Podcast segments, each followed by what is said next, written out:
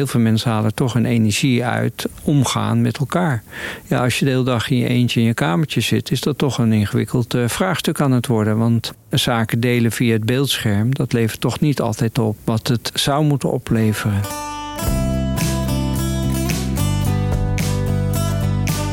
Voorkomen is beter dan genezen. Dat is iets waar de meeste mensen het wel over eens zullen zijn. Je kunt maar beter zorgen dat je geen burn-out krijgt dan dat je ervan moet herstellen. En bovendien, het is sowieso verstandiger om gezond te eten en niet pas als je cholesterolproblemen krijgt. Maar dat is allemaal makkelijker gezegd dan gedaan, want je hebt het al zo druk en je moet al zoveel. Voordat je het weet, is het werken aan je eigen fitheid een nieuwe bron van stress.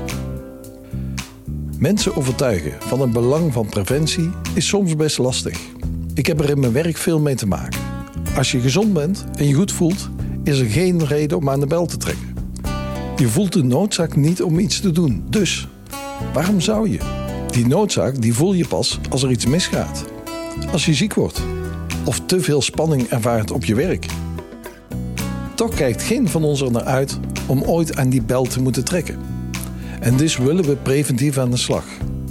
Dat is precies waar de podcast Fit for the Job over gaat. We onderzoeken hoe je fitter wordt en hoe je dat vervolgens ook blijft. Mentaal en fysiek. Niet alleen jij als individu, maar ook je collega's en medewerkers. Mijn naam is Jan van Hogen. Ik ben strategisch arbeid- en organisatieadviseur bij ABUN. In elke aflevering van deze vierdelige serie praat ik met experts uit het veld. Van een bedrijfsarts tot de vitaliteitscoach. Het recept voor een gezond lichaam is eigenlijk heel simpel. Goede voeding en genoeg sporten. En wat te denken van een gezonde geest. Het een kan niet zonder het ander. We zullen het dan ook over mentale fitheid hebben. Wat is dat dan eigenlijk precies? En hoe ontspan je de geest in drukke werktijden? En welke rol heb je daarin als werkgever? In deze eerste aflevering hoor je Willem van Renen. Als het over werk gaat, doet Willem een hoop verschillende dingen. Hij is Chief Health Officer bij Abu Unie, bedrijfsarts en ook nog eens hoogleraar Engagement and Productivity aan de Nijrode Business Universiteit. Hij is dus bij uitstek iemand die er goed op moet letten dat hij niet overwerkt raakt. Van hem wil ik weten hoe je nou zorgt dat preventie echt effect heeft. En daar is hij zelf een goed voorbeeld van. Ik probeer heel gezond te leven. Dat is voor mij ook een soort principe kwestie geworden. Dat heeft te maken, denk ik, met toch mijn visie op gezondheid in het algemeen.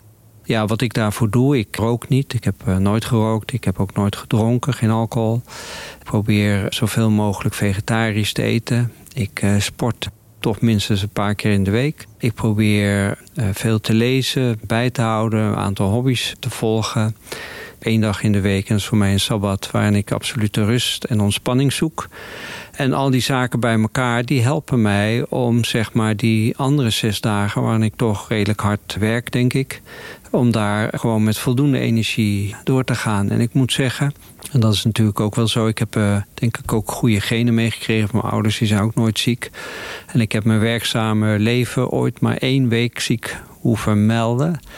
Maar ik ben er echt van overtuigd dat dat samenspel, wat ik net uh, noemde, dat dat echt een hele belangrijke bijdrage is. Want nou ja, ook, kijk, voor mij is het grootste risicofactor altijd maar doorwerken, doorwerken, doorwerken. Nou, die ene dag in de week, die helpt mij echt om af te schakelen, weer op, op ja, even tot rust te komen. En dan ja, weer voldoende energie te hebben om verder te gaan. Het is dus een overtuiging, niet alleen in zakelijke en zin van visie, maar ook voor jezelf persoon? Ja, ik ben echt uh, wel intrinsiek gemotiveerd. als je het uh, vanuit dat perspectief bekijkt over zorg nou voor dat je gezond leeft. En nou, je ziet in de literatuur ook die kenmerken die ik net genoemd heb. Die zorgen er ook voor dat je gemiddeld 8 tot 10 jaar langer leeft. En dan niet zomaar langer in een ongezonde situatie, nee, in een gezonde situatie. En dat is natuurlijk wat je veel mensen gunt. Je moet je realiseren dat een roker, 1 op de 4 rokers, bereikt eigenlijk niet eh, zijn pensioengerechtigde leeftijd. Voor die tijd al, is al door een ziekte uitgeschakeld. Als je dat op je netvlies laat eh, inbranden, dan denk je, ja, waarom zou ik nou door blijven roken. Een simpel voorbeeld. Nou, dat kan je ook van die andere risicofactoren zeggen. Dat telt toch flink aan als het gaat over ongezondheid. Ja, en iedereen heeft toch in zijn hoofd van ja, als ik mijn werkzame leven er op een gegeven moment op heb zitten, wil ik er eigenlijk toch nog een poosje een tijdje gezond doorleven. Nou, daar kun je nu aan beginnen. Preventie doe je dus voor nu en voor later. In Willems verhaal hoor je eigenlijk precies hoe dat in de praktijk kan werken. Dat fit voor je job blijven. Het gaat over balans tussen werk, privé en de hulpbronnen die je hebt. Het WHR-model noemen we dat binnen Arbo-Unie. Die drie letters staan voor Work, Home en Resources. Die drie die moeten in balans zijn. Maar moet je daar nou vooral zelf voor zorgen, zoals Willem doet? En hoe groot is de rol van de werkgever daarin? Ik denk dat het niet alleen belangrijk is voor de werkgever om, om je daarop te focussen. Ik zie het meer als een samenspel tussen jou als werknemer en de werkgever. Ik ben er namelijk van overtuigd dat je eerst zelf moet weten wat je aan hulpbronnen nodig hebt. Wat is voor mij belangrijk? Want als je dat weet, kun je dat ook aan de orde stellen bij de werkgever. Die werkgever die moet ook maar proberen te achterhalen van ja, wat is belangrijk voor hem of haar. Want daar zie je het nog wel eens uh, mislopen dat een werkgever een generieke maatregel afkondigt voor alles en iedereen. Maar die is, ja, kan best wel eens niet voor jou van toepassing zijn. Daarom is het als werknemer dus heel erg belangrijk om te weten wat heb ik nodig als het gaat over resources. Dat kan betreffen een goed bureau, een goede stoel. Maar het betreft dus ook hele simpele zaken als heb ik meer autonomie nodig of wil ik graag mensen om me heen hebben of wil ik me graag ontwikkelen. Nou, dat zijn dus hele belangrijke factoren waarvan jij moet weten wat je nodig hebt, zodat je dat ook aan kan kaarten met je, bij je leidinggevende. En als je dan zegt, ja, wat moet de werkgever dan doen? Ja, die zal maximaal moeten proberen te faciliteren. Want dan heeft hij een prima werknemer. Werkgevers zijn volop met preventie bezig. Ze bieden allerlei programma's en trajecten aan voor hun medewerkers. Om af te vallen, meer te bewegen, te stoppen met roken. En bijvoorbeeld ook om beter met stress om te gaan. Maar wie denkt dat het succes van preventie vooral ligt in het aanbieden van zoveel mogelijke programma's, die heeft het mis. Je ziet dat bepaalde organisaties heel druk bezig zijn met allerlei uh, gezondheidsonderwerpen. Uh, zo ken ik een grote multinational die iets van 70 programma's heeft uitstaan onder zijn werknemers als het gaat over preventie, allerlei gezonde dingen. En het opmerkelijke is dat zij ook zien dat ondanks al die programmeringen er een toename was in de stressbeleving en er een toename is in het verzuim. Dus was de volgende vraag van welk instrument hebben we nu weer nodig om, om te zorgen dat dat gekeerd gaat worden. Nou, en ik ben daar uh, geconstateerd en toen vroeg ik van ja, die 70 programma's die jullie hebben draaien, hebben jullie daar een link mee met de ambitie die je als bedrijf wil neerzetten? Nou, daar was dus nog nooit over nagedacht van hebben wij eigenlijk die programmering die we aan het doen zijn op het vlak van gezondheid, hebben we die uiteindelijk ook gelinkt aan waarvoor we als bedrijf denken hiervoor op aarde zijn. Nou, die slagmakend is dus heel erg belangrijk. Ik kan nog een ander mooi voorbeeld geven van een, uh, zorginstelling die aan mij vroeg: uh, kan je ons helpen? Vitaliteit is laag. Er werd uh, veel gerookt, werd ook wel flink gedronken. Mensen waren veel te dik. En men had daar goede programma's voor neergezet. En een van hun kernwaarden was iedereen respecteren zoals die is. Dus ik zat bij de voorzitter van die raad van bestuur eh, aan tafel. Ik zeg, eh, nou, jullie hebben die concrete vraag. Jullie willen graag die programmering beter hebben. Maar kan je mij verklaren, als je nou vindt dat je iedereen moet accepteren zoals die is... waarom zou je dan willen dat iemand die dik is, rookt en veel drinkt... dat hij zijn gedrag gaat veranderen? Jullie kernwaarde is dat je hem accepteert. Toen ik dat zei, schrok hij wel even... Want toen zeiden ja, ik denk dat je wel gelijk hebt. Ik zeg ja, dit is dus contrair aan je eigen kernwaardes. Vind je het gek dat die programmering voor jullie nauwelijks opgevolgd wordt door je eigen medewerkers? Als je aan de slag gaat met preventie, moet je dus die dingen doen die passen bij de missie en visie van de organisatie. Bij de zingeving van een bedrijf eigenlijk. Zingeving is een woord dat Willem vaker gebruikt. En niet alleen als het over organisaties als geheel gaat, maar juist ook als hij het heeft over de individuele medewerkers. Ja, zingeving, dat heeft altijd iets zweverigs. Hè? Dat lijkt van, uh, waar hebben we het dan met z'n allen over? Maar zo zweverig is het niet. Voor mij is het uh, heel belangrijk dat je weet waarvoor je eigenlijk er bent. Dat kan je inderdaad heel spiritueel doortrekken van... ja, ik ben een geschapen wezen en ik heb een bepaalde taak in deze wereld. Maar je kan het ook wat platter slaan en dan zeggen van... ja, wat is nou feitelijk mijn ambitie in mijn leven? En nog platter, wat is mijn ambitie in mijn werk? Want als ik uiteindelijk weet wat ik wil verwezenlijken... dan kan ik uiteindelijk ook mijn gedrag erop afstemmen. En als ik mijn gedrag erop afstem, af wil stemmen... dan weet ik uiteindelijk ook welke hulpbron ik nodig heb... om dat gedrag ook te faciliteren, dat dat ook lukt. Dus je moet heel goed nadenken als ik bij een werkgever zit... wat wil ik hier nou eigenlijk bereiken met het werk wat ik aan het doen ben? En dat moet over het algemeen meer zijn dan alleen maar van ik wil geld verdienen. Want daar kan je het een tijdje mee volhouden. Maar het zal toch ook moeten zijn, nou, in ons vakgebied hè, bij ArbeUnie...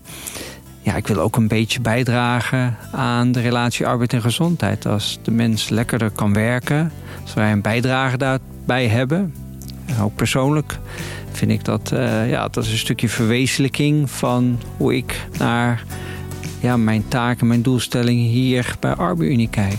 Nou, dan weet ik ook wat ik moet doen qua gedraging om daarin te ondersteunen. En dan weet ik ook wat ik kan vragen aan mijn werkgever om mij daarin te faciliteren.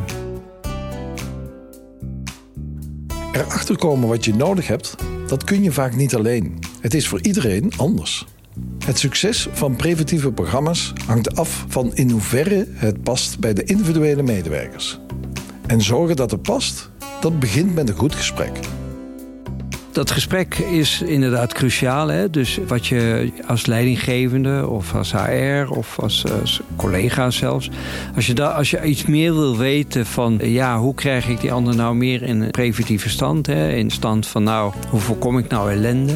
En als je nog een stapje verder wil maken eigenlijk... hoe krijg ik hem nou meer in zijn kracht? Want dat wil je uiteindelijk. Hè? Je wil eigenlijk dat iedereen optimaal in zijn kracht komt te zitten. Ja, dan zul je echt goed moeten luisteren en goed uh, moeten vissen bij iemand van ja, wat zijn jouw basale behoeftes? Wat zijn andere resources die je nodig hebt? En hoe gaan we dat monitoren? En wat is uiteindelijk ook het doel wat je wil bereiken daarmee? En als je dat met elkaar op een rijtje hebt gezet, dan kun je daarover in gesprek blijven. En dat werkt over het algemeen heel stimulerend. Ik denk dat de grootste fout die we collectief vaak maken bij veel gezondheidsprogramma's is dat we het vaak aanbieden en succes ermee. Maar de monitoring, de feedback zeg maar, die veel mensen nodig hebben en daarbij passende complimentjes, die vergeten we vaak. En dat is wel iets wat je moet doen, want anders gaat iemand uiteindelijk niet de ambitie halen die hij heeft neergezet. Je zei eerder al, het is geen one size fits all. Het is afstemmen met individuele behoeften. En het is ook bijstellen in, in de feedback die mensen daarop geven. Exact. Is er een grens hoe ver je kunt gaan als werkgever om gezondheidsbevorderende preventieve maatregelen verplichtend te stellen of, of op te leggen? Nou ja, we weten uit ervaring dat eh, verplichting eh, nooit werkt. Hè? Dus dat is heel lastig, tenzij het een maatschappelijke verplichting doet. We weten ook bijvoorbeeld dat stoppen met roken natuurlijk nooit zo'n push had gekregen als er geen wetgeving achter had gezeten. En dus de overheid heeft verboden om op de werkplek te roken. En zo is dat langs op publieke ruimtes en zo is dat langzaam maar zeker verder gegaan. Dat zijn wel hele goede stokjes. Maar als werkgever om er alleen maatregelen te nemen is over het algemeen moeilijk. Je kan dus denk ik veel beter mensen proberen te overtuigen. En als dat niet eh, lukt, en dat is eigenlijk nog beter, om mensen te motiveren. Want als je mensen gemotiveerd krijgt, dan gaan ze het vaak wel doen. En daar heb je ook weer natuurlijk veel technieken voor. Hè? Motiverende gespreksvoering. Nou, daar je ook weer professionals voor inhuren. Of je kan train-de-trainer sessies daarvoor. Hè, zodat je leidinggevenden ook motiverende gesprekken kunnen houden erover. Ik denk dat dat de beste manier is. Ik vind wel, en dat is mijn persoonlijke mening... dat je als werkgever wel ergens een keer een grens mag zetten... van joh, uh, jouw ongezondheid of jouw ongezonde gedrag begint nu ergens een, grens te bereiken in die zin dat het mijn business gaat raken. Dus als het je business gaat raken, he, dus iemand is dermate vaak bijvoorbeeld ziek of afwezig... of hij heeft geen enkele uitstraling meer die past bij jouw visie of missie als bedrijf... ja, dan vind ik, dan zou je daar wel wat strakker het gesprek over mogen voeren met elkaar. Van, passen wij nog wel goed bij elkaar? Natuurlijk moet je dan niet iemand zomaar aan de kant schuiven. Maar een goed gesprek, ja, dat vind ik wel redelijk. En misschien ook zelfs als je het op een goede manier doet, heel motiverend. Motivatie. Het woord viel al een paar keer. Een gezonde leefstijl kan pas succesvol zijn als je dat zelf wil. Als je zelf die motivatie hebt. Natuurlijk, de werkgever kan van alles doen. Als er in de kantine geen vette hap te krijgen is, kun je die tijdens de lunchpauze niet eten. Maar je zal nog steeds niet fysiek gezonder worden, zolang je niet zelf gemotiveerd bent dat te doen. Want je eet dan misschien geen kroket op het werk. Je kunt bij wijze van spreken alsnog iedere dag na werktijd langs de snackbar rijden. Eigenlijk is dat in alle aspecten van het leven is natuurlijk heel belangrijk. Van ja, hoe ga je met zaken om? En hou je daar ook rekening mee met wat de gevolgen daarvan zijn? Hè? Dus wat zijn de gevolgen van je gedragingen? En wat je vaak ziet is natuurlijk dat in een werksituatie, als er heel veel stress ontstaat, dat je toch ongezondere leefgewoonten gaat krijgen. Maar datzelfde geldt natuurlijk ook in een privé-situatie. Als ik uh, veel ruzies thuis heb, zie je vaak dat mensen daardoor gestrest raken. Daardoor anders gaan eten. Als ze roken, gaan ze vaak meer roken. En als ze aan het drinken zijn, gaan ze vaak meer drinken. Dus je ziet dat een ongezonde leefwijze vaak een gevolg is van veel stresssituaties. Dus wil je uiteindelijk ook gezonder leven en uh, wil je ook meer profijt hebben van het gezondere leven, wil je meer preventie doen, dan zul je dus moeten voorkomen dat je heel veel stress ervaart. Nou, we hebben al aangegeven, dat betekent toch een soort gezonde leefwijze. En een gezonde leefwijze, dat moet toch een soort gewoonte worden. Een algemeen iets van, dit past bij mij. En dat is wel mooi als je kijkt naar de motivatietheorieën. Dat je natuurlijk eerst heel extrinsiek gemotiveerd kan zijn.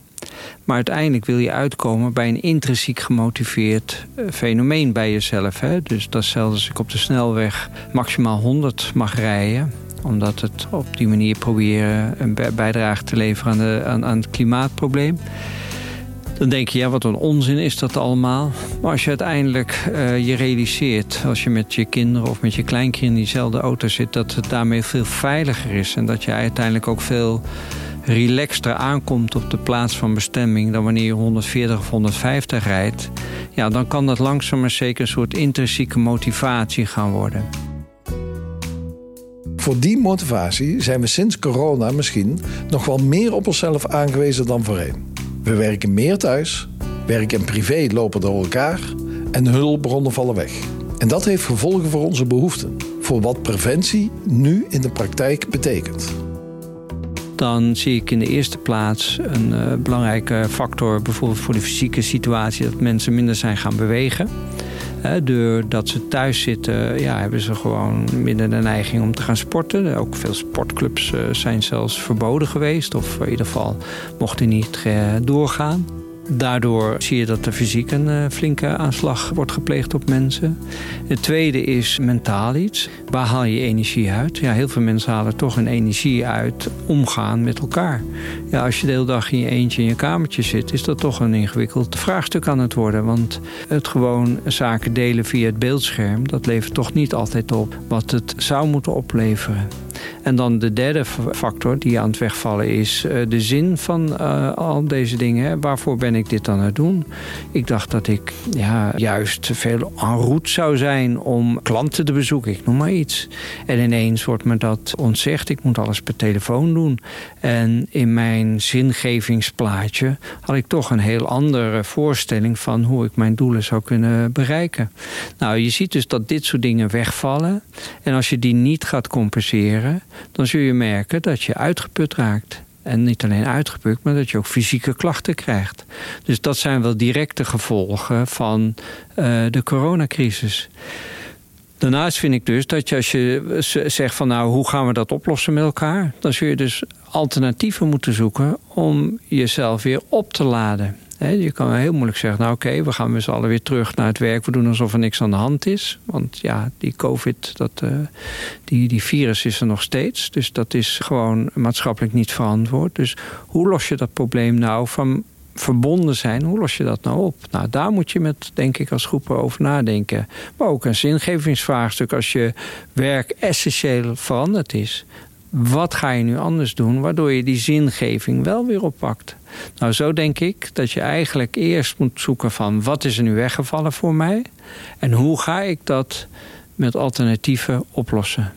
En dat zal voor bedrijven natuurlijk ook heel belangrijk zijn. Want ik weet uit ervaring dat veel bedrijven nu bezig zijn om te kijken van hoe kunnen we een deel van de nu noodzakelijke maatregelen, het thuiswerken, toch tot het normale werkproces laten vormen. Ja, en dat betekent dus dat we naar een ander normaal hè, toegroeien eh, als maatschappij. En daar zullen we eigenlijk weer opnieuw moeten ontdekken wat onze, ja, waar, waar onze pareltjes liggen. Wat voor ons heel belangrijk is. Hè. Dus ja, er is een wegomlegging. Daar stond altijd een uh, benzinestation aan. Ja, ik was altijd gewend om daar te tanken. Ja, doordat die wegomlegging er is, kan ik niet meer bij die benzinestation. Als ik denk, ja, ik er dan maar door, ja, dan gaat het fout. Dus je zult opnieuw moeten zoeken naar een nieuw benzinestation... waar je uiteindelijk weer fuel tot je kan nemen en weer verder kan rijden. En dat is de uitdaging waar we collectief voor staan. Op zoek dus naar nieuwe tankstations waar we ons kunnen opladen. Daar ligt een behoorlijke uitdaging voor ons allemaal. Maar het is niet iets waar we alleen nu baat bij hebben. Het is eigenlijk zoals Willem in het begin van de podcast al zei. Preventie doe je voor nu en voor later. Dit was de eerste aflevering van Fit for the Job. In de komende afleveringen zoomen we verder in op de verschillende aspecten van preventie. Zo hoor je in de volgende aflevering hoe je gedurende het werk voldoende in beweging blijft. Want van zitten wordt niemand fit. Wil je niks missen van deze serie? Abonneer je dan op Fit for the Job via Spotify of Apple Podcasts. En hou natuurlijk de website van Abu in de gaten. Mijn naam is Jan van Holen. Bedankt voor het luisteren. Dag.